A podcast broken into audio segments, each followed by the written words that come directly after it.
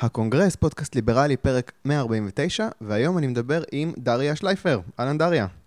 שלום. שלום שלום, דריה סטודנטית לתואר שני למדעי המדינה, עובדת בתוכנית אקסודוס, וגם כתבת לאחרונה טור דעה ראשון בגלובס, מזל טוב על זה. תודה. אה, בוא נדבר על הטור הזה, שהכותרת שלו, למען חיזוק הדמוקרטיה, ישראל זקוקה לימין חזק ולשמאל חזק. ודבר ראשון שקופץ לך לראש, אולי, מה הבעיה? יש בן גביר ויש חדש, אז הנה, ימין קיצוני, שמאל קיצוני. זו, זו, זו הכוונה? אז אה, באופן כללי, כשאנחנו מדברים על אה, דמוקרטיה ועל תפיסות של ימין ושמאל, שמגדירות בגדול מחנות, הבעיה היא לא האם יש לנו קולות קיצוניים או לא, כי קולות קיצוניים יש כמעט בכל מערכת דמוקרטית.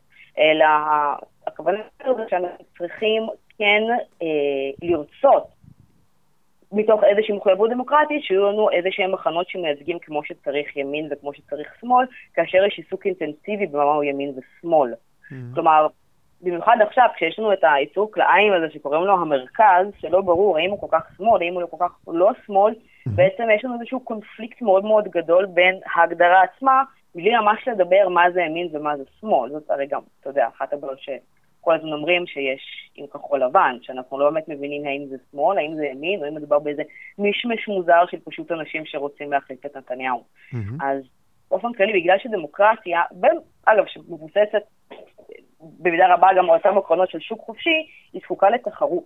ובשביל שהיא זקוקה לתחרות, היא צריכה, נקרא לזה, מערכת מחירים אחידה. או לפחות יחידה במובן של ברור לנו מה הכסף שלנו, ברור לנו במה אנחנו יכולים לסחור, והסחר הדמוקרטי הוא הסחר על רעיונות, על הצעות מדיניות, על הצעות של תפיסה, על הצעות של אתיקה והקשר של זה לפוליטיקה וכדומה. אז רגע, אז מה, אם אני חוזר רגע למה שאמרתי בהתחלה, אז נגיד אה, בן גביר מייצג קיצוניות אבל לא מייצג רעיון מסוים? זו, זו הכוונה? הוא מייצג רעיון מסוים, אבל הוא לא באמת רלוונטי, כי מה שרלוונטי בסופו של דבר, כאשר אנחנו מסתכלים על... Uh, למי רוב האנשים מצביעים ומדוע הם מצביעים. הרי קודם כל באופן כללי אנחנו רואים בכל הדמוקרטיות שהמאבק הוא תמיד בערך על חמישה אחוז מהקולות. כלומר, אנחנו בדרך כלל משחזרים את הבחירות שלנו, אבל לפעמים יש אנשים שהם לא מצביעים, ואנחנו רוצים להוסיף אותם לפול של המצביעים, או אנשים שעוברים צד. כלומר. כל מערכת הבחירות האינטנסיבית היא בגדול לא על כלל הציבור, אלא על התזוזות הזהירות שיכולות להיות בו.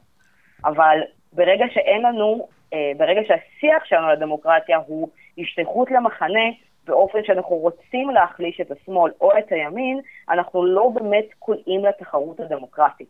אנחנו קולעים על uh, פרסונות או על uh, uh, תגובות מאוד מאוד אמוציונליות למה שקורה כאן ועכשיו, מבלי בעצם לברר על מה אנחנו מתחרים באמת. והתחרות הזאת מהותית בשביל לקיים את המוסד הזה שאנחנו קוראים לו דמוקרטיה.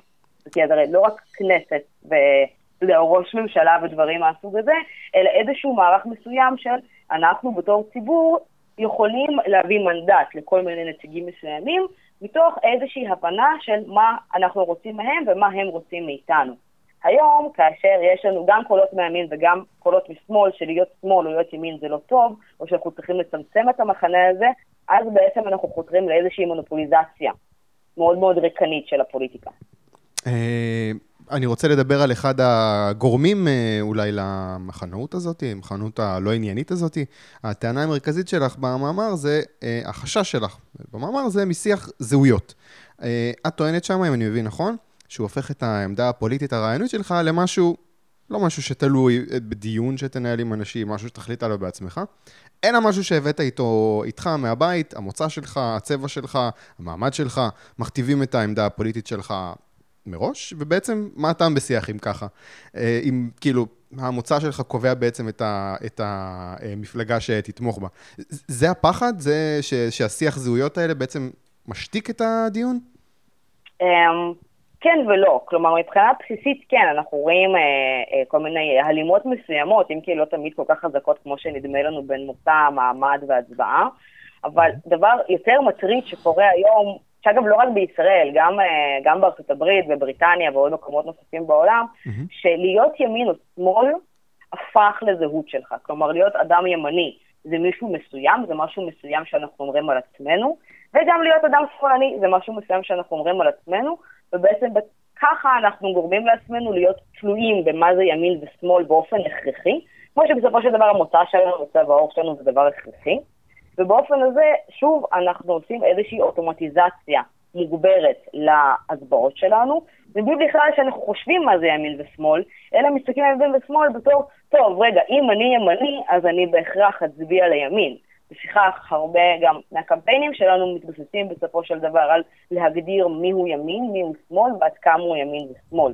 לא כי מדברים איתנו מהם הרעיונות של ימין ושמאל, כאשר באופן כללי בשיח הכלכלי זה מאוד מאוד בולט, אלא בעצם מדברים איתנו על למי אתה שייך. מי אתה, האם אתה אדם ימני או שמאלני, כי ב- לפי ההכרעה הזאת, אז אתה תצטרך להצביע. זאת הכרעה זהותית, לא הכרעה אידיאולוגית, וזה, ושוב, וזה בעיה כשאנחנו בעצם מנסים לסחור ברעיונות, ובאופן הזה לפתה את הציבור להצביע לצד אחד או אחר.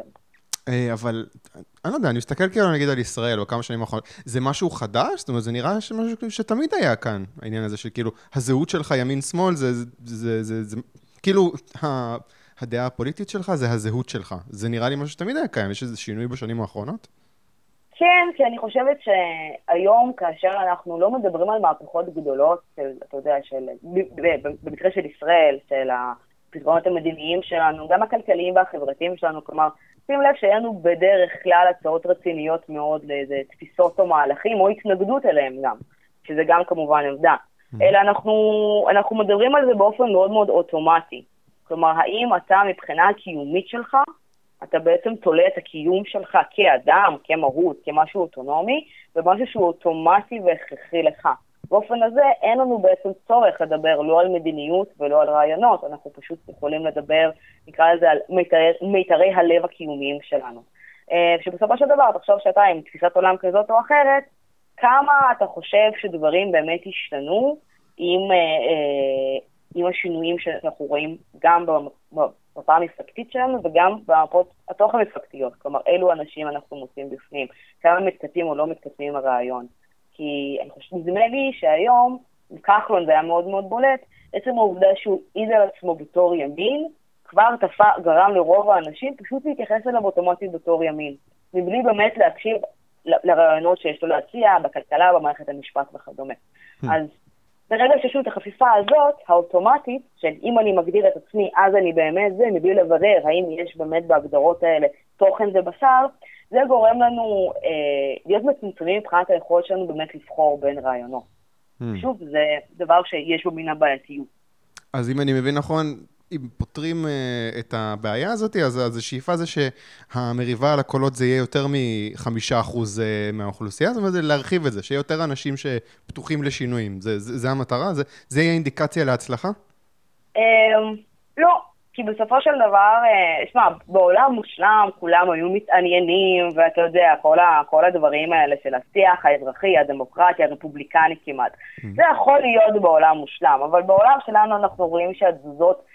הן לא דרמטיות, כי בסופו של דבר כן יש לנו, נקרא לזה איזשהו סוג של מזג, איזושהי תפיסת עולם כלילית, נטייה מסוימת לימין ולשמאל, אבל ברגע שאנחנו כל כך שבויים זו אולי מילה קשה, אבל אה, מתמסרים לנטייה הזאת מבלי באמת לראות האם הדברים באמת מהדהדים את הרעיונות שלנו, אז כאן יש לנו את הבעיה. כלומר, בסופו של דבר, אם אני ככה קצת אהדק את זה, mm-hmm. זה תמיד יהיה על פחות או יותר חמישה אחוז. Mm-hmm. כי בגדול זה לא רנדומלי הימין והשמאל, בוודאי שיש לזה איזה שהם הקשרים, אבל בהתאם למה התזוזה הזאת של החמישה עשרה אחוז תתרחש, זה בעצם בעייתי כאשר הימין והשמאל הם ריקים מתוכן, כשהם רק מלאים במשמעות זהותית קיומית כזאת. אוקיי, mm-hmm. okay, אז אה, אני ממשיך את זה. איך, איך תיראה הצלחה מבחינתך? איך יודעים אה, שהגענו לשיח יותר טוב? הצלחה זה קודם כל אה, כאשר הסיסמה, הסיסמאות של בחירות, שהן אף פעם לא יותר מדי עמוקות, אבל הן כן מעידות על איזושהי מדיניות מסוימת. Mm. למשל, למרות מה שאומרים, מה שקורה היום בארצות הברית זה לא כל כך חלול. בסופו של דבר, טראמפ מגיע עם איזשהו סט ערכים מסוים, אפשר להסכים עם זה, לא להסכים עם זה, זה כבר כמובן עניין פרטי. אבל make America great again, זה לא, זה אפשר לטעון שיש בזה איזשהו ניחוח פופוליסטי, ואפשר לדבר על זה בהמשך, באמת כי יכול להיות שיש בזה קצת משהו, ובסופו של דבר ההצעת מדיניות שלו, הנטייה הכללית של הצעת מדיניות שלו היא ברורה. וכנראה גם סנדרס ואחרים מתוך המפלגה הדמוקרטית. מה שקורה אצלנו, שזה קצת הוגבר, זה שאנחנו מדברים מאוד על מסוגלות של מנהיגים, אנחנו מדברים מאוד על, על איזושהי יציבות של המפלגות, אבל אנחנו לא ממש מבררים מה באמת שנתניהו מציע, או גם גנץ מציע. כלומר, האם באמת הדברים שנתניהו מציע הם כל כך ימין, או שהם שמאל, או כמה גם אפשר לחיות עם זה או לא לחיות עם זה בשלום. הצלחה בסופו של דבר זה כאשר אנחנו נשאל מה יקרה אם הוא ייבחר, אנחנו נוכל להביא על זה, על זה איזשהו מושג כללי, ולהגיד כן, זה באמת יותר ימין, כן, זה באמת יותר שמאל, ו, ולהיות יותר מודעים לזה. אה, את יודעת, קופץ לי כשאת אומרת את זה, שבאמת אה, נוכל לשפוט את אה, נתניהו על פי איזשהו קנה מידה מסוים. הבעיה אבל זה, זה, זה אותה טענה כזאת ש, שנשמעת כמה פעמים, שבנושא הביטחוני אין ב... אני, לא רואה באמת איזשהו הבדל בין אה, אה, אה, ימין ושמאל, יש איזושהי תפיסה של הדבר היחיד שאנחנו יכולים לעשות זה, זה פרגמטי, ובגלל שהסדר יום הביטחוני מכתיב פה כל הזמן את העניינים, אז בכלל לא מגיעים להתעסקות ב, ב, בכלכלה, בחברה שפה באמת אפשר, אה, את יודעת, להציג איזה שהן עמדות, איזושהי משנה יותר אה, סדורה. אז כאילו, אז, כל, עוד, uh, כל עוד הסדר יום הביטחוני מכתיב פה את העניינים, אז מאוד קשה בכלל להגיע למצב כזה שיש דיון ענייני של ימין ושמאל. כן. קודם כל, שוב, גם, אני אגיד שני דברים בהקשר הזה. קודם כל, אחד מהדברים שכן ראוי, אה, נקרא לזה להחמיא לנתניהו, זה עצם העובדה שאנחנו, נדמה לי לפחות, מרגישים יותר בטוחים לדבר על עוד דברים, כלומר, על כלכליים, חברתיים, אה, מדיניות הגירה, דברים מהסוג הזה. אמ, כי אנחנו מרגישים פחות מאוימים ממה שהיינו למשל בתחילת המילניום. אמ, אז ובגלל זה אני כן חושבת שהשיח הכלכלי נכנס יותר ויותר, mm. גם אתה יודע, מבחינה חברתית, אבל גם מבחינה של הדברים שמאתגרים את זה. בסופו של דבר, אה, עם כל הבעייתיות, לא בעייתיות, וכמה זה חלקי, לא חלקי, אנחנו מעבר לזהות או...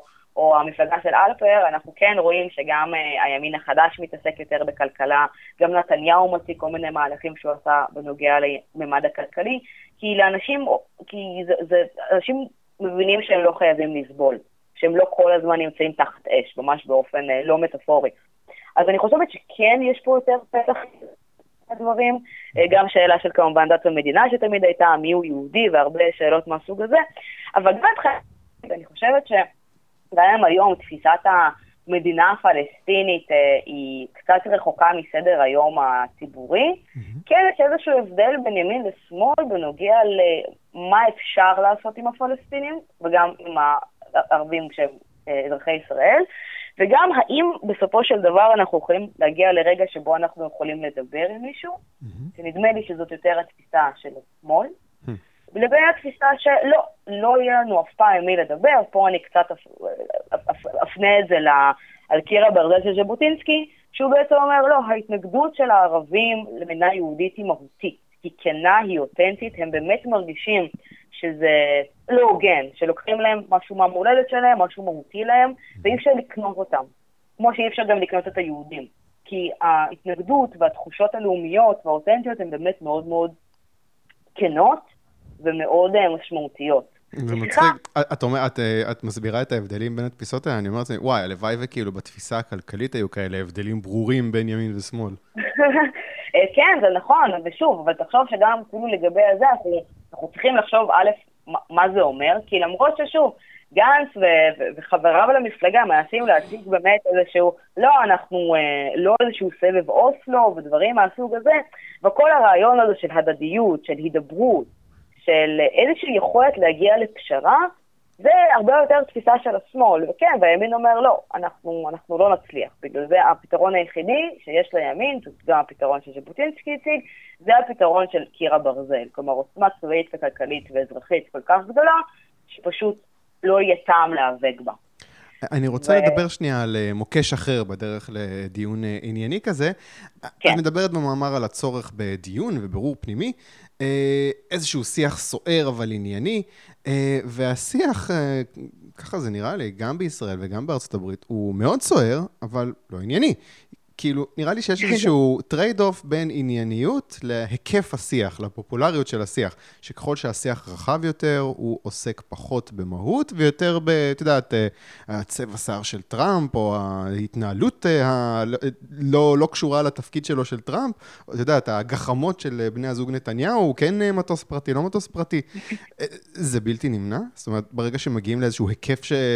את יודעת, היקף של אנשים שמתעסקים בדיון מסוים, אז זה חייב לגלוש לדברים לא ענייניים? אה, כן, אני חושבת שבסופו של דבר כן. כי שוב, כמו שהצגת את זה, זה מכניזם שהוא גם די אינטואיטיבי, ברגע, תחשוב עלינו מדברים עם חברים, ככל שכמות החברים שלנו גדלה, כשאנחנו באותו, באותו הבניין, באותה השיחה, ככה אנחנו מורידים את רמת השיחה שלנו, פשוט כי על הדברים הבסיסיים האלה כולם יכולים לדבר, כולם יכולים להגיב. וואי, קופץ, כאילו... לי, קופץ לי ישר כאילו דוגמה של, את יודעת, יושבים לאכול ארוחת צהריים בעבודה או משהו, וברגע שיש מספיק אנשים בשולחן ועולה איזשהו נושא פוליטי, תוך כמה שניות זה יגיע לאיזה מישהו שיצא, כן, אבל הוא מושחת, כאילו זה ישר, כאילו, מישהו מרים את הקול וזה מרדד הכל.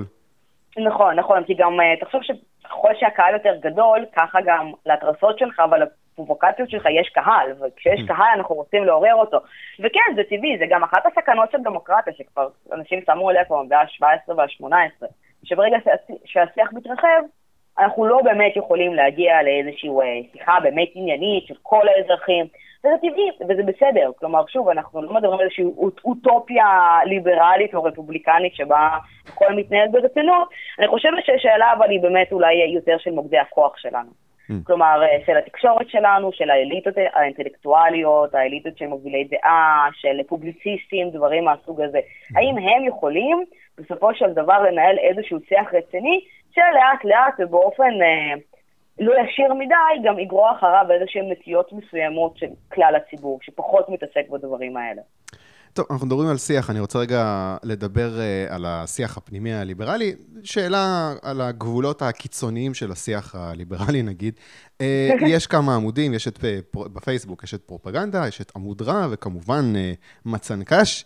חלק מהזמן זה מצחיק אותי, אני מודה, אבל uh, במיוחד במקרה של מצנקש, אני שואל את עצמי, זה שיח שכדאי לטפח בזה שזה בעצם זה שזה בפיד שלי, כי לפעמים זה, זה הולך קצת רחוק מדי, בדיוק למקומות הפופוליסטיים האלה. זה מעניין, הם הרבה פעמים הולכים למקומות הפופוליסטיים, והרבה פעמים הולכים למקומות מאוד עמוקים וכאילו ונכונים, זה, יש להם אה, מנעד מעניין. אני אומר לעצמי שזה בקטגוריה של צחוקים, ושם אין גבולות, הכל הולך, אפילו אם זה קצת uh, דארק. מה את אומרת? את עוקבת אחרי העמודים האלה? זה, זה פוגע בשיח, זה לא מפריע, זה באמת בקטגוריה של הצחוקים, מה זה משנה? איך את uh, חושבת עליהם? אני עוצרת אחרי זה קצת, כי זה באמת, אה, יש בזה, יש בזה כמה דברים שדי מבריקים, כן. אבל... אה, כשהם, כן. טובים, הם טובים. כשהם טובים, טובים, בדיוק, כן, לגמרי. אז, אה, אז אפשר בהחלט לצחק. שוב, תקשיב, אתה יודע, זו שאלה של מידות טובות. כלומר, אנחנו יכולים לנסות לשלוט בשיח ודברים מהסוג הזה, אבל כשהשיח שלנו באמת חופשי הוא... שוב, זה גם, זה גם איזשהו בעייתיות מבנית שיש בדמוקרטיה, ככל שאנחנו מביאים יותר חופש, יש לזה גם איזשהו פתח להפקרות. ולשיח שהוא מאוד מאוד מתריס ודברים מהסוג הזה. אני חושבת שזה דבר טבעי לחירות. ואני חושבת שהמחויבות שלנו האישית וגם כלפי אחרים, אתה יודע, מה שאתה עושה כאן עם הפודקאסט, מה שאנחנו עושים כשאנחנו מדברים עם אנשים או מול אנשים, אנחנו יכולים לצחוק ואנחנו יכולים גם להיות רציניים באותו הזמן, ואני חושבת שזה שאלה של למה אנחנו באמת מחויבים. כי אפשר לצחוק על פרופוגנדה ואפשר לצחוק על קריקטורות ואפשר לעשות דברים מהסוג הזה. לשלוט בזה זה לשלוט ברעיונות שלנו, כי בסופו של דבר הבדיחות האלה יתקיימו בראשנו. ו- וגם ראוי כן, שאנחנו לא, אני לא... בחוצה. שיהיה ברור, אני לא מתכוון לשלוט עליהם, לאסור עליהם, אה, כן, לאסור על העמוד. לא, יודעת, אני פשוט אומר לעצמי, האם אני אה, תורם למשהו חיובי כשאני עוקב אחרי העמודים האלה ועושה לייקים וכאלה? אני חושבת שכן. אני חושבת שכן, אני חושבת שאנחנו, שלפעמים, שוב, ממש לפעמים, פורקן של איזשהו זעם, של איזשהו צחוק, של משהו אפל יותר שיש לנו במחשבות שלנו. שוב, השאלה היא למה אנחנו מחויבים בדרך כלל. Mm-hmm. אז אם בדרך כלל מה שאנחנו עושים זה להפיץ אה, פרופוגנדה ולרדד את השיח ברמה מאוד אה, יצרית ומאוד לא מורכבת, אז כן, יש בזה בעיה. אבל, אה, אבל ברגע שאנחנו עושים, אתה יודע, בדרך כלל טיעונים די רציניים, ובדרך כלל מנסים לנהל עמוד פוליטי או שיחה פוליטית או דברים מהסוג הזה שיש בהם, נקרא לזה ככה, mm-hmm. אז זה טוב, זה טוב להוציא את האנרגיות האפלות יותר שלנו, כי הן שם, וזה בסדר. כאילו, זה, זה, זה גם חלק מהלך הרוח שלנו, ואנחנו צריכים להיות מודעים אליו. כן, אני, תוך כדי שאנחנו מדברים, אני חושב לעצמי, טוב, זה גם מצחיק וחשוב להיות מצחיק מדי פעם. זאת אומרת, היה להם את הפוסט הזה של ה... אה, צריך להרחיק, את יודעת, פרפרזה על להרחיק את אסדות הגז, אז אה, צריך כן. להרחיק את, את, את, את בניין ההסתדרות 150 קילומטר לתוך הים, עם כזה מפה, זה היה נורא מצחיק. אה, וזה כזה, טוב, אנחנו לא רציניים, אבל זה מצחיק. זה נורא, כן, זה לא רציני, זה לא מצחיק, ושוב, גם, תחשוב ש... גם היופי בהומור הזה בדרך כלל, כן, בדרך כלל באמת לפעמים גולש למקומות קצת מוזרים, אבל אה, ש, שצריכים להבין הרבה תפיסת עולם בשביל הבדיחות האלה. כן. כלומר, אלה לא בדיחות ריקניות, למרות שהן נורא אפלות. אז, אה, אז אתה יודע, גם, כאילו, בגלל זה האפלה יש בה, כלומר, אנחנו, גם כשאנחנו עושים דברים שלא תמיד ראו לעשות, זה כן מתאר איזשהו הלך רוח לדעתי של בדרך כלל רצינות. אבל אתה יודע, פוסטים כזה של, לא יודע, סטטוסים מצייצים וכל מיני דברים באמת פופוליסטים, אני לא רואה סיבה לשתף עם זה פעולה, כי זה פשוט ריק לחלוטין. כן, טוב, אגב, זה מה שאמרתי עכשיו זה מעמוד הרע, אני רוצה לתת להם קרדיט. בואו נעבור נושא. אה, קודם כל, הערה קטנה, משהו קטן. באחד הפרקים הבאים אני אדבר עם אה, יוני בלונדי, שעובד בפורום אוקיי. קהלת. שאלתי אותה אם יש טעם לקדם את אה, כנס קהלת לכלכלה, שיהיה השבוע, השבוע, ביום רביעי בבית ציוני אמריקה. הוא אמר שלא צריך, כי פשוט כל המקומות נתפסו כבר, ואני מאוד שמחתי לשמוע את זה. הוא אמר פשוט שפוסט אחד של אורי כץ עשה את העבודה. אה, אני מאמין שגם הקידום שרועי עידן עשה הביא כמה אנשים. רועי עידן ינחה את הכנס, ואני מזכיר את זה כי אני כל כך הרבה פעמים מדבר על כמה אין לליברלים השפעה ברמה הארצית, אנחנו במספרים קטנים, כמה אלפים, וזה נכון, אבל מסתבר שזה כמה אלפים שאחוז גבוה מהם כמו שרואים בכנס הזה, מאוד מעורבים אה, בנושא. זאת אומרת, מגיעים לכנסים, מקדישים את הזמן ואת התשומת לב, ואני מניח שגם לזה יש השפעה. זאת אומרת, קבוצה קטנה, אבל נחושה, יכולה להשיג אה, תוצאות. מה את חושבת, דריה? מספיק ששיח אה, תוסס יהיה משמעותי אפילו שהוא בממדים קטנים? הוא בדרך כלל מתרחש בממדים קטנים. כלומר, בדרך כלל כשאנחנו מסתכלים על חברה אזרחית, כלומר, אתה יודע, קבוצות שמנסות לקדם מדיניות, רעיונות, דעת קהל, בדרך כלל מדובר בכמה אנשים בודדים. וקודם כל, שוב, מה שאמרנו לפני זה, אם זה המון אנשים, אי אפשר באמת לפתח משהו אחיד, אי אפשר לפתח משהו מעמיק מדי, בשביל להציג איזושהי, אה, אתה יודע, אה, הצעה לסדר היום, במובן הרחב יותר של המילה, שהיא באמת אה, כוללת שיח מסוים, רעיונות מסוימים, פעילות מסוימת, זה חייב להיות בקבוצות קטנות. השאלה, האם מדובר בקבוצה קטנה של אנשים שאתה יודע, די סגורים בתוך עצמם, אתה יודע, כל מיני כנסי פנטזיה וכאלה, שזה תמיד אותם אנשים, וזה די הרבה אנשים, אבל זה אותם אנשים והם לא מנסים לצאת החוצה. כן, טוב, שמה זה לא, זה לא באג'נדה, זה הכל טוב.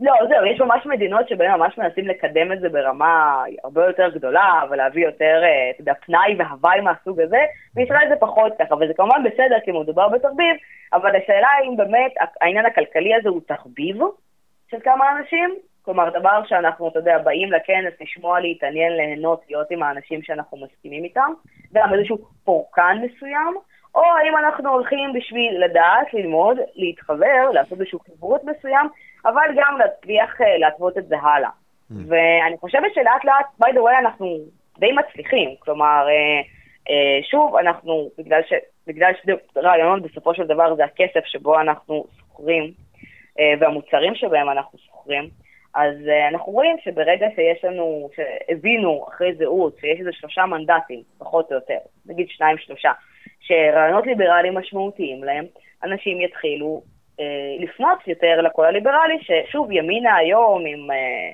אה, ברח לי השם שלו, מתן כהנא לדעתי. מתן כהנא, בטח. כן, כן, כן, עם כל הסרטונים. אגב, אני, אני, אני רוצה לציין, אה, מישהו ביקש ממני אה, אה, לראיין אותו, הייתי שמח, אה, פניתי לדובר שלו והוא אמר שכרגע הם נותנים אה, רעיונות. אז אל תחשבו שאני לא רוצה לראיין אותו. כן, בבקשה. כן, לא, זה באופן כללי, זה אמרה כזאת שיש לפני כמה... בבחירות, כן, רעיונות זה בדרך כלל בין לבין בחירות, כן. אבל uh, באופן משעשע, אבל... Uh, בדיוק שזה לא חשוב. בדיוק שזה... לא, זהו, בדיוק שהזיכרון הוא, אתה יודע, הוא לטווח קצר, אז לא רוצים שנעשה פדיחות. כן. Uh, אבל זהו, לא, תחשוב, אנחנו, ברגע שמבינים, ברגע שיש איתות, שוב, זה מאוד מאוד כלכלי במובן הזה, שאתה יודע, תורת המחירים של ברגע שיש איתות, לאיזשהו אה, אה, צורך מסוים, לאיזה דבר שאפשר למנף לכדי רווח, mm-hmm. אנשים ילכו לעשות את זה. מי ילך לעשות את זה, איך הוא ילך לעשות את זה, זו שאלה אחרת. אבל בסופו של דבר השאלה האם אנחנו בתור קבוצה ליברלית של אה, באמת כמה אלפים, שזה שוב לא רע, האם אנחנו יכולים מספיק לאותת. לדעתי mm-hmm. אנחנו בדרך הנכונה. כלומר, יש את הליברלים בליכוד, יש את נתיב, יש כל מיני חבר'ה ליברלים פעילים של אה, הימין החדש וכו', כלומר, אנחנו מאותתים יותר ויותר, אבל, אה, אבל זה קשה, אבל אנחנו צריכים אה, לחדור להרבה יותר מקומות של התקשורת ושל האקדמיה, כי נדמה לי באופן כללי הימין כל כך אה, נוטה להרגיש שה, שהממסד נגדו, אתה יודע, מערכת המשפט, תקשורת, אקדמיה, mm-hmm. ש, שהוא לא מנסה לחדור פנימה, אלא מנסה תמיד לדבר בערוצים אלטרנטיביים. שערוצים אלטרנטיביים זה חשוב, אבל שוב, כפי שאמרנו, בדרך כלל הציבור נשאר פחות או יותר אותו דבר, שינוי של עמדות הוא מאוד מאוד מאוד ארוך טווח, לפיכך אנחנו חייבים להיכנס למקומות אה, שהציבור הכללי רואה. כן, זה קורה, זה קורה, זה קורה לאט לאט. זה קורה כן, לאט כן, לאט. זה קורה לאט לאט, עם גלוב זה קורה לאט לאט, באקדמיה, כל האקדמאים אה, ימנים הופכים ליותר ויותר בולטים, אנשים שהם ימנים פחות ופחות מפחדים לעשות דוקטורט ברמה הזאת, וכן לעשות להיות חלק מהשיח הממסדי יותר. רגע, רגע, רגע, את באיזו אוניברסיטה את לומדת? בתל אביב. אוקיי, אז את רואה את זה מבפנים. זה, זה, זה באמת איזשהו שינוי שקורה? זאת אומרת, את רואה יותר אקדמאים מתעסקים בנושאים אה, שפעם פחדו להתעסק בהם? אני חושבת שפחות, שוב, זה קצת, זה קצת, אה, אתה יודע, יש איזו אמרה פרנואידית קצת, כאילו פחדו להתעסק, אבל אני חושבת שאנשים מאמינים קצת הניחו לזה והלכו יותר, שוב, או לערוצים אלטרנטיביים, או לשוק הפרטי, דברים מהסוג הזה. Mm-hmm. ו- ולא, ולאט לאט אני חושבת שאנשים מבינים, אנחנו מבינים ש- שאנחנו צריכים להיכנס לכל עמדות המפתח האפשריות, וכן, אני רואה יותר דוקטורנטים ש, אה, שהם ימנים, אני רואה יותר סטודנטים שהם ימנים, אני רואה יותר גם מרצים שפתאום מדברים באופן הרבה יותר מהותי ביניהם, אם כי אני חייבת לציין שבאמת אוניברסיטת תל אביב, דוגמת לטובתה ייאמר, לפחות בחוג של מדע המדינה, היום זה בית ספר למדע המדינה. אמ, הוא באמת, אה, יש בו המון המון המון אנשים, וזה באמת מתנהל באופן, אה, אתה יודע, מאוד כמו ג'ון סטורט מיל כזה. שאם יש לנו רעיונות לפה, רעיונות לשם, זה ממתן אותנו, וככה אנחנו מצליחים לעשות שיח הרבה יותר מעמיק ופחות צעקני. אני חושבת שזה קורה לאט לאט, וזה חשוב, והאיתותים האלה והכניסה הזאת לבמות המרכזיות, זה באמת מה שחשוב, ואנחנו ממש בדרך טובה. אה, בוא נדבר עכשיו על הנישה הדי קטנה של הפוליטיקה הליברלית. דיברת על, ה, דיברת על הקבוצות הגדולות, אני רוצה לדבר על הנישה ממש אה, קטנה. המפלגה של אה, גלעד אלפר, עוצמה ליברלית כלכלית. אני אומר קטנה לא כדי להעליב, כן, אבל ביחס לליכוד ולימינה אין מה לעשות, זה, זה, משהו, זה משהו סדר גודל כן. אחר. עובדות לא צריכות להעליב אותן. כן. בהנחה ומפלגה כזאת רצה לטווח ארוך, ואני אומר, בוא נכלול בזה כל מפלגה ליברלית מובהקת שרצה לטווח ארוך, לאו דווקא עוצמה ליברלית כלכלית. מה מפלגה כזו צריכה לעשות, לדעתך, כדי להבקיע את החומה הזאת של הגטו שהיא נמצאת בו כרגע, הגטו הזה של המפלגות הקטנות שכל כך קשה לצאת ממנו, ובאמת להפוך למפלגה שאשכרה מייצגת את הרעיונות האלה שאנשים מרגישים שחסרים להם במפלגות אחרות. זה, זה פונקציה של כמה רעיונות יתפסו, או שיש פה עוד משהו? שוב, אני אחזור לשטויות האלה שלנו של מדע המדינה. אנחנו נלחמים על חמישה אחוז, עשרה אחוז. כלומר, ברגע, אחת הבעיות באחוז חסימה גבוה זה שברגע שהחמישה אחוז האלה הולכים לרעיונות נישתיים יותר ולא למפלגות הגדולות, אז הם מתפספסים. ואז קשה יותר להבקיע, אתה יודע, שינוי לטווח ארוך שירחיב את המפלגה, כי מראש, משום שהיא קטנה, כבר חוסמים אותה והיא לא יכולה להתקדם.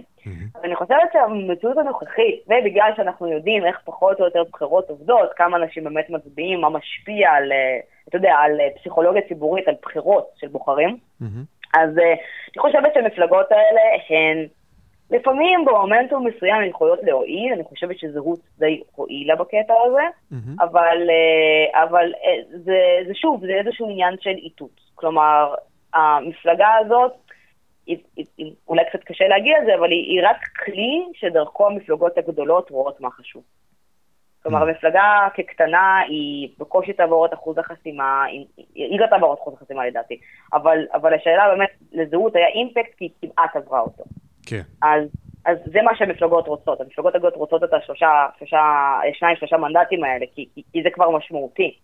אבל uh, אנחנו חייבים להבין, גם כחבר'ה ליברליים, שלפעמים, אגב, למרות שמערכת התמריצים שלנו כבוחרים זה להצביע למפלגות שאנחנו בטוחים שיעברו את אחוז החסימה.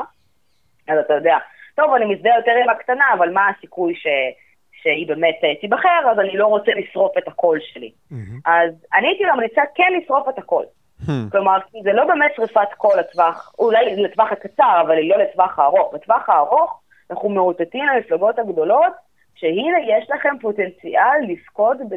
בשניים שלושה מנדטים שזה המון, אנחנו ראינו כמה זה המון בבחירות סבב א', mm-hmm. וכמה זה היה משמעותי. Mm-hmm. אז, אז כן, אז אני דווקא קוראת כן לעשות את זה, כן לאותת את זה, ככל שאנחנו, כי זו דרך ממש ממש טובה להבהיר שאנחנו רוצים את הרעיונות האלה.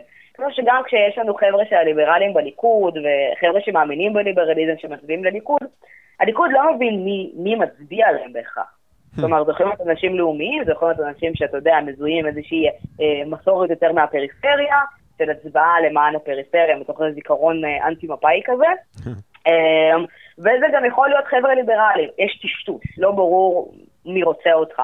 אבל ברגע שאנחנו מצביעים כן למפלגות הקטנות, גם אם לא עברו את אחוז החסימה, בטווח הארוך יכול להיות שזה משתלם. אוקיי, okay, זה, זה, לא, לא נראה לי שזה טיעון ש, שייכנס לתעמולה של עוצמה ליברלית כלכלית, אבל זה טיעון, טיעון לא רע, לא רע. ת, תצביעו להם כדי לאותת שיש, שיש יש סיבה לחזר אחרינו.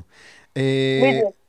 בוא נדבר רגע על כתבה שעצבנה אותי השבוע בגלל, בגלל הכותרת שלה. כתבה בוואלה, הכותרת, התקנה החדשה של אוחנה, שתעשה לעיתונים מיליונים בשנה. שתעלה לעיתונים, סליחה, מיליונים uh, בשנה. תעלה, יש, יש הבדל חשוב. אה, כן, זה ממש ההבדל. תעלה לעיתונים מיליונים בשנה, זו הכותרת. אמרתי לעצמי, אוי ואבוי, יכול להיות שאמיר אוחנה מטיל רגולציה חדשה על עיתונים, אוחנה שלנו. אז כמובן שלא, מסתבר שאמיר אוחנה פשוט ביטל את החובה של אה, פושטי רגל לפרסם את דבר פשיטת הרגל שלהם בעיתונות המודפסת, במימוד משרד המשפטים, אה, אה, אה, חובה, ש...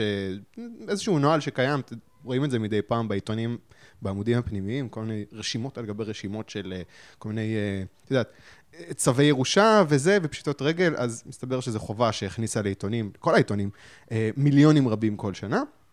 ההיגיון פעם אמר שאם מישהו פשט רגל, הציבור צריך לדעת, אז עכשיו אוחנה פשוט אומר, בסדר, נפרסם את זה באתר של משרד המשפטים, התקדמנו קצת ב-60 שנה האחרונות, והסיפור על חיסכון של מיליונים למשלם מיסים שהתבזבזו פשוט על חוק ארכאי ומיותר, הופך לתקנה חדשה של אוחנה שתעלה לעיתונים מיליונים אה, בשנה.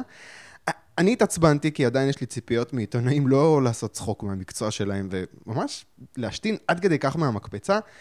אני אשאל אותך שאלה שאני שואל מדי פעם את עצמי, לאן צריך ללכת כדי לקבל איזשהו ניתוח עיתונאי טוב היום? כי במיוחד בנושאים שמעניינים אותי, אין לי כל כך לאן ללכת. פה, פה לפחות דיווחו על הסיפור. אני, אגב, לא נתקלתי בידיעה הזאת באתרים אחרים, שאולי אמרו לעצמם, טוב, אנחנו לא יכולים להציג את זה כמשהו טוב, כי זה פוגע בנו, מאותה סיבה אנחנו לא יכולים להציג את זה כמשהו רע, כי נצא מפגרים מול הקוראים שלנו, חוץ מוואלה שהחליטו כן לצאת מפגרים מול הקוראים שלהם.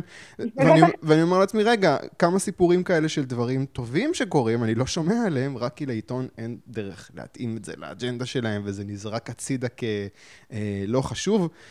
פשוט, את יודעת, אין לי שעות על גבי שעות לנבור בעשרות אתרי חדשות, אז מה את אומרת? לאן ללכת כדי לצרוך חדשות כמו שצריך? מה, מה את עושה? אוקיי, נתחיל ככה. קודם כל, מה זה חדשות? חדשות כמו שצריך זה באמת איזושהי מידה של כבוד עצמי, של איזו אתיקה מקצועית מסוימת. כן, אה, שפה לא הייתה. כן, כן, והיא, והיא כבר תקופה, אני חושבת שאנחנו מאוד מאוד מרגישים אותה. אז אה, אתה יודע, העצה שלי תמיד לגבי הדברים האלה זה, אם אתה רואה שמשהו חסר, או שתתמוך במישהו שיעשה את זה בשבילך, mm-hmm. ותקדם אותו לערוצים הגדולים האלה, או, או ממש תעשה את זה בעצמך. אבל רובנו אין זמן לזה, רובנו מושקעים בעבודות אחרות, וזה בסדר, אבל אנחנו כן צריכים באופן אקטיבי לתמוך ולנסות לרומם אנשים שהגיעו לעמדות מפתח האלה. כי שוב, הדברים אה, הנישתיים יותר הם חשובים, הם חשובים בשביל לפתח את, ה, את האנשים שמנסים להפיץ תוכן וללמוד ולגבש איזושהי קהילה מסוימת עם דעות מסוימות ורעיונות מסוימים, בוודאי. אבל אחרי זה, זה השלב, כאילו זה שלב חשוב, אבל אני חושבת שזה כבר שלב קיים. אני חושבת שהרבה מאיתנו צורכים חדשות דרך ממש הפיד שלנו בפייסבוק, דרך הסינון שאנחנו עושים לפרנדס שלנו ולעמודים שאנחנו עושים להם לייק. כן, את יודעת, זה, זה גם... זה בעייתי, א', אני לא מפקפק ב... אני אומר, יש לזה חשיבות מסוימת, יש לזה ערך מסוים, אבל אפילו זה לא יעיל. זאת אומרת, אני לא רוצה עכשיו לנבור בפיד, בפיד שבפייסבוק, שזה מעורבב בכל מיני דברים, אני רוצה עכשיו חצי שעה, את יודעת, לשבת ולקרוא עיתון במרכאות, ולהתעדכן. כן. יש לי את הפודקאסט של בן שפירו, שככה אני מתעדכן בחדשות חוץ, ולפעמים אפילו מה שקורה פה. יש לי את עמית סגל קצת, אבל אין לי את עמית סגל הליברלי. אין דבר כזה. נכון, אבל אה, שוב, אני חושבת שזה דבר שממש יכול להיות. תחשוב אה, אה, היום בגלובס מה קורה, זה באמת אה, כאילו דבר אה, די, די יוצא מהכלל, כי אנחנו ממש רואים אין ספור אנשים אה, מוצלחים שכותבים שם ומציגים אה, דעות. גיל ברינגר, מה שהוא עושה עם כל הקטע של מערכת המשפט, זה מדהים. תחשוב. שזה כאילו... אין ספור אנשים נחשפים לתפיסות עמוקות ומנומקות ללמה, מה הימין מנסה להגיד על מערכת המשפט. שזה, ששוב, אנחנו כן רואים שהדברים האלה קורים לאט לאט, כי אנחנו, שוב, יש לנו אנשים מסוימים שאנחנו צריכים לתמוך בהם שייכנסו למערכות האלה. Mm. אבל מבחינת, ה, אתה יודע, החלום, השאיפה, להיות, אה, להצליח לקרוא עיתון כמו שצריך, זה, זה, זה בדיה כזה של המאה ה-20 לדעתי. כאילו, אנחנו לא, אי אפשר באמת לקבל את כל הדברים שחשובים, אי אפשר לקבל את כל הדברים כנקודה, אבל גם הדברים שחשובים, אתה יודע, תמיד יש פה איזה שאלה של trade-off, אז אה, כן, אני חושבת שאנחנו צריכים להעניש כתבות אה, או ערוצים כמו וואלה, בשביל שוב לאותת להם שאנחנו, שזה לא מקובל עלינו, ואז שוב אנחנו נראה שיש איזה שהם תיקונים פנימיים, ולתמוך באנשים אחרים, ולדעת תמיד שאנחנו אה, מאוד מוגבלים מבחינת ה... המידע שלנו. אנחנו צריכים לבחור, כמו עם בן שפירו, אתה יודע שרבים וטובים מחבבים אותו, אנחנו צריכים לבחור אדם שאנחנו רואים שאחרי בירור כלשהו, אנחנו, אנחנו עדיין סומכים עליו. וזה קשה, זה קשה לסמוך על מישהו. כן. אז... אה, אבל, אבל, זה, אבל, זה, אבל זה גם היופי של, אתה יודע, של איזושהי אה, אוטונומיה הרבה יותר גדולה שיש לנו היום, שאנחנו מבינים שמה שמעניין אותנו ומה שחשוב לנו הוא לא בהכרח מה שקורה לאחרים, ואנחנו מבינים גם שעושים עלינו, שעושים עלינו באופן כמעט הכרחי מניפולציה. שזה ממש מעצבן, כי אנחנו כן היינו רוצים שלא יעשו לנו את הדברים האלה, אבל זה לא באמת אפשרי. כן, אה, אה, אגב... זה המחיר של חופש.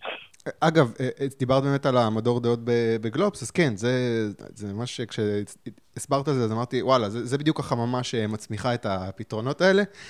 כנראה שנצטרך לחכות קצת עד שיצמח הבן שפירו הישראלי, או לא יודע, עמית סגל הליברלי. בסדר, כן. יש, יש לי... אין לי סבלנות, אבל אין לי ברירה גם.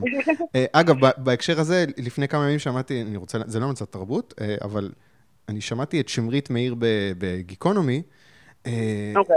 היא כתבת לענייני ערבים, מזרח תיכון, לא יודע איך להגדיר את זה, והיא נהדרת, היא נהדרת. אני, אני ממש ממליץ לשמוע את הפרק הזה בגיקונומי, זה פרק 302 או 303 עם שמרית מאיר, זה כל כך מרענן.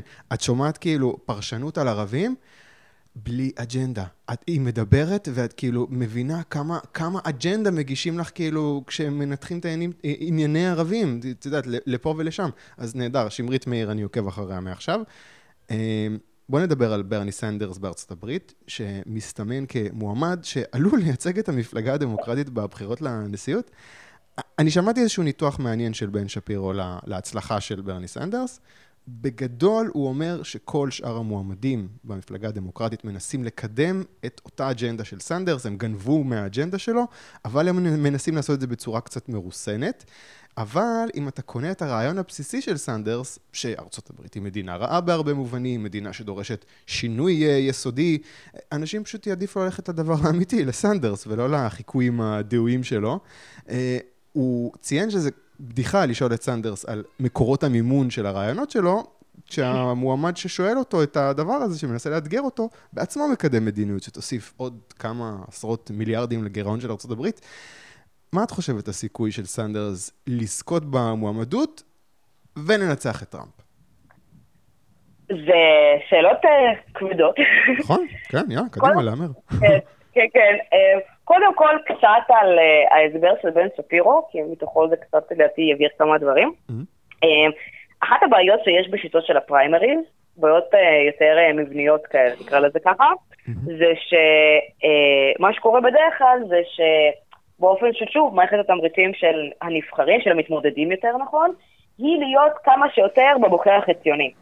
חציוני? כלומר, כי, בחציוני, כן. להיות כמה שיותר קרוב לח... באזור ה-50 אחוז, בשביל לתפוס כמה שיותר משני הצדדים. Okay. אוקיי. כי רוב האנשים גם נמצאים שם, ורוב האנשים אה, אה, סובבים סביב המקום הזה. Mm-hmm. אז אנחנו רואים שאנשים בדרך כלל, בגלל זה גם המפלגות הגדולות הן מפלגות הרבה יותר מתונות מאשר מפלגות ימין או שמאל, אה, נקרא לזה קיצוניות יותר, או לפחות טהורות יותר. Mm-hmm. כי בסופו של דבר, בשביל לנצח אתה לא יכול יותר מדי לטעות לאחד הכיוונים. Mm-hmm. מה עם הפריימריז?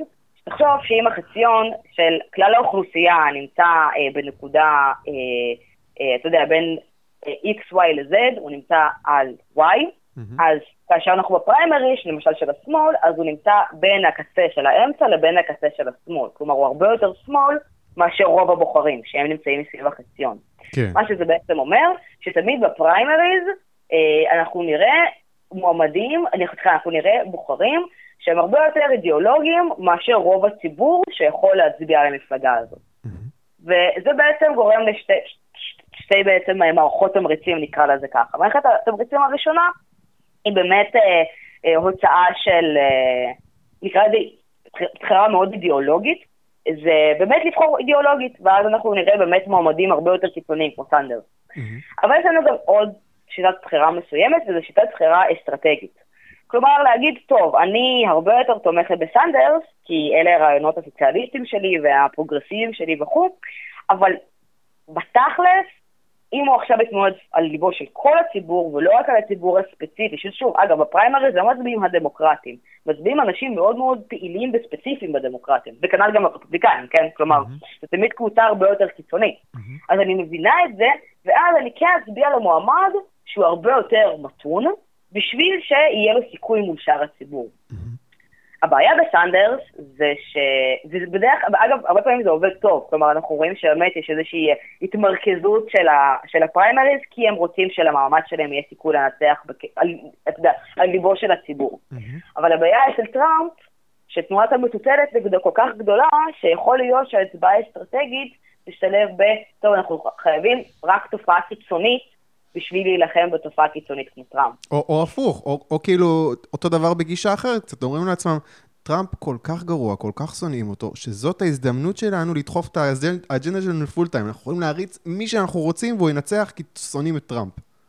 כן, זהו. אז זאת שאלה גם של איך הם הבינו כמה הציבור שונא את טראמפ, כי למרות, שוב, התקשורת, כבר דיברנו על אה, תפקידה הקצת מוטה, זו שאלה גדולה היום ששואלים, האם באמת אה, שונאים את טראמפ כמו, ש, כמו שהרבה כלי תקשורת, אה, בכלל בעצמו, מציגים את השנאה כלפי טראמפ? Mm-hmm. כי יש הרבה מאוד קבוצות שמאוד מאוד מרוצות ממה שטראמפ עושה, ואחד הדברים שכן יאמרו לזכותו של טראמפ זה שהוא כן מקדם מדיניות. כלומר, היא מוזרה, היא לא, לא הכי ברורה, לא רהוטה כמו הרבה דברים אחרים שאולי היינו מצפים מנשיא ארצות הברית, אבל הוא כן מקדם כל מיני מהלכים.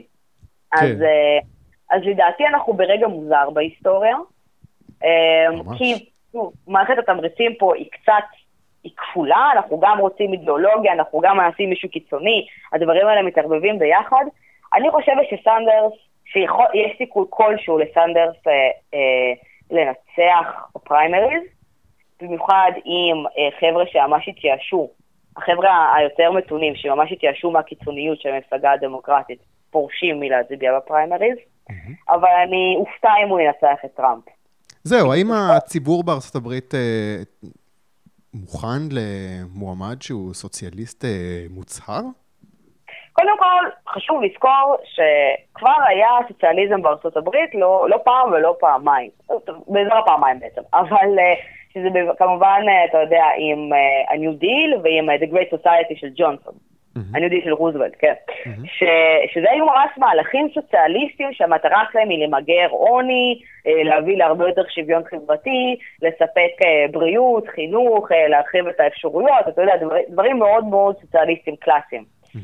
ואז אנחנו יכולים לזכור שגם בארצות הברית, המעוז, השוק החופשי, גם שם כל כמה זמן זה עולה, וזה גם באופן טבעי, כי בקפיטליזם יש הרבה כשלים. כן, יש... במיוחד יש... במיוחד כשהוא לא קפיטליזם, בוא נדחוף רגע את הליברטריאניות שלי. לא, לא, התכוונתי, כשלים במובן uh, היותר uh, תרבותי של זה, פחות במובן הכלכלי. כלומר, uh, באמת, אתה יודע, שוב, אני קצת אחבר את זה לספרות והגות של הזה, טענות של שום פטר על הקפיטליזם, הטענות של קריס על הקפיטליזם, כלומר, ממש תפיסה מימין לגבי הבעיות שיש בקפיטליזם. מה, העניין של ההרס היוצר שיוצר אה, חוסר שביעות רצון אצל האנשים? כן, איזשהו חוסר שביעות רצון, איזשהו אה, אה, חוסר נוחות. בגלל שאנחנו בחברת שפע, אנחנו מרגישים שיש לנו כל כך הרבה, שאנחנו מתחילים להרגיש לא בנוח עם כל מיני, אה, אה, עם אי שוויון מאוד מאוד אה, חריף. Mm-hmm. שוב, חריף זה תחושה סובייקטיבית, אבל, אבל היא, היא, אנחנו רואים, היא, היא עולה. Mm-hmm. כלומר, והיא עולה כבר כבר משנות 40, כלומר זו לא תופעה חדשה בכלל, זה משהו שהקפיטליזם תמיד יתמודד איתו. אה, וזה בסדר, כלומר אנחנו, אנחנו מבינים שלכל תופעה יש את הפלוסים והמינוסים, ואז אנחנו מנסים להגיד שהפלוסים שווים את המינוסים.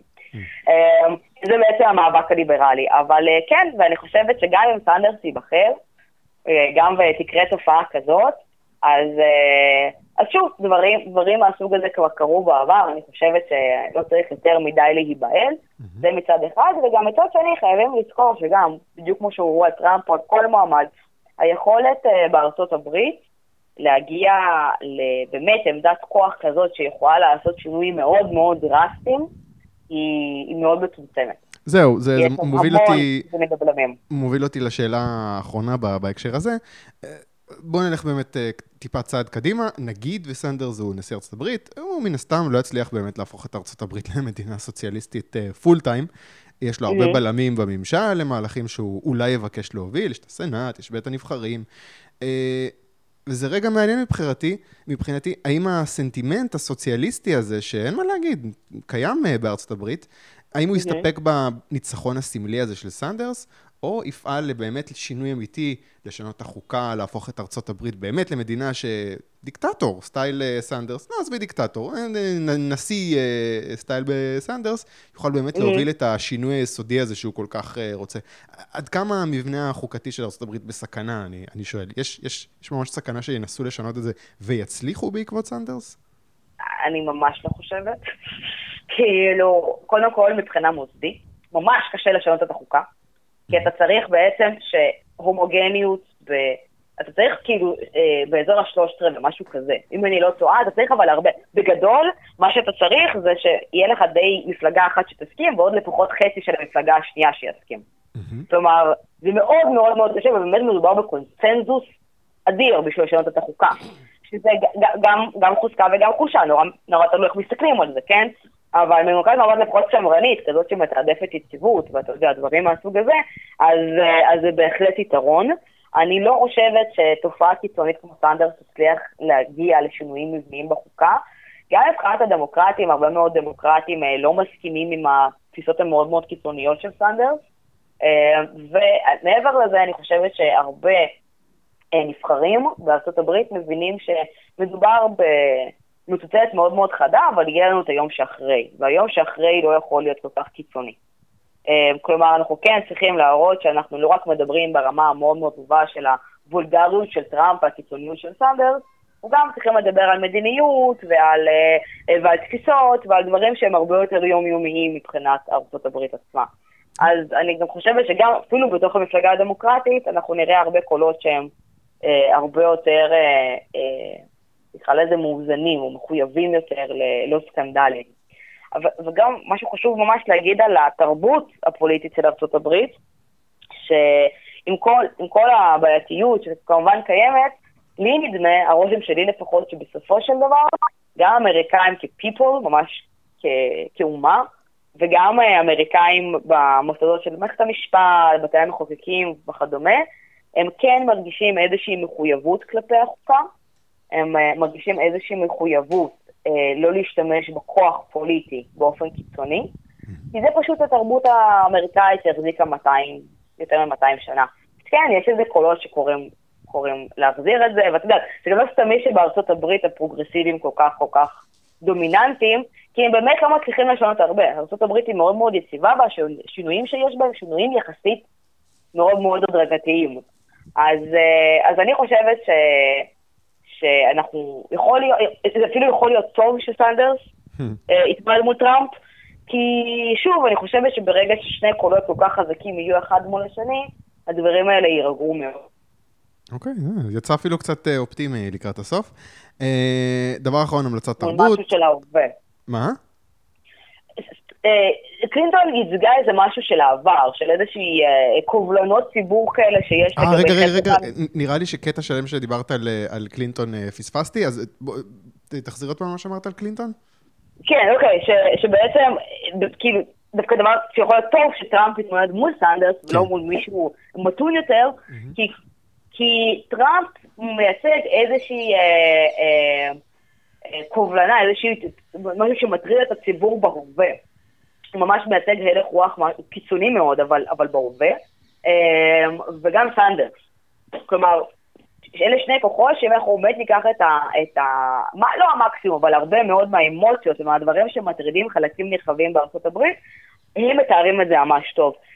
קלינטון היה בה משהו מאוד מאוד מהות, כי היא נתפסה מאוד כמישהי שהייתה כבר במוסד הזה, הפוליטי של ארצות הברית, המון המון שנים, היא לא באמת משנה שום דבר, היא לא באמת רלוונטית יותר מדי לשיח, ובאמת אחד הדברים שעוד היא יכלה להתמודד עליהם, זה העובדה שהיא אישה. אז כן, יש פה איזשהו progress מסוים. במובן של הדברים הקיצוניים שמעסיקים את האמריקאים בקצוות שלהם. אז יכול להיות שאנחנו צריכים ממש את הקצוות, שאתה יודע, הכי סנדרס והכי טראמפ, אחד מול השני, שהאמריקאים ייבהלו. Hmm. ויבינו שהם לא רוצים שזה יהיה עד כדי כך. שאנחנו כן צריכים להוריד את זה, אתה יודע, כל מיני אה, רייגנים וג'ונסונים כאלה. כן, או שהם לא ייבהלו, ואז אנחנו ניבהל. כן, אם הם לא ייבהלו זה, זה, אבל אני חושבת שאנשים נוטים להיבהל יותר משאנחנו חושבים. אוקיי. שינויים גדולים זה מפחיד. אה, המלצת תרבות, ספר, סרט, פודקאסט, אירוע, משהו שאת רוצה להמליץ עליו. בדרך כלל אני נותן המלצה בעצמי, אבל בשבועות האחרונים אני די יבש, אני מודה, מבחינת uh, תוכן חדש שאני צורך. Uh, אני מסתמך על המלצות של uh, מרואיינים גם בשביל תוכן, נגיד. הקשבתי לפרק בהמלצה של שבוע שעבר, גלעד אלפר המליץ על uh, מופע של בוב מרפי, זה פודקאסט. והוא המליץ על פרק שמתעסק בהגירה, היבטים כלכליים של הגירה, מאוד מעניין. נראה לי יש רלוונטיות למה שקורה בישראל, אז אני ממליץ על ההמלצה הזאת שוב. כן. בוא תעזרי לי, דריה. תני לי המלצת תרבות, משהו, תוכן איכותי לצרוך. כן, טוב, אז זהו, באמת חשבתי, חשבתי כאילו איזה דברים אה, נחמדים אפשר להציע, ובאזור אה, ספטמבר, לקראת החגים, הוצאת שיבולת הולכת להוציא את הספר של יורם חזוני בשבח הלאומיות. אה, באנגלית זה The Virtue of Nationalism. וזה ספר שאני חושבת שהוא בעיקר רלוונטי לתפיסת העולם בישראל. הוא בעצם מנסה לקשור משהו שזהות באיזושהי מידה ניסתה לעשות, אך לא כל כך הצליחה. בעצם, איך אנחנו צריכים את הזהות הלאומית שלנו, ובאופן כללי איזשהו סדר בינלאומי שמבוסס על מדינות ריבוניות, בשביל לספק חירות.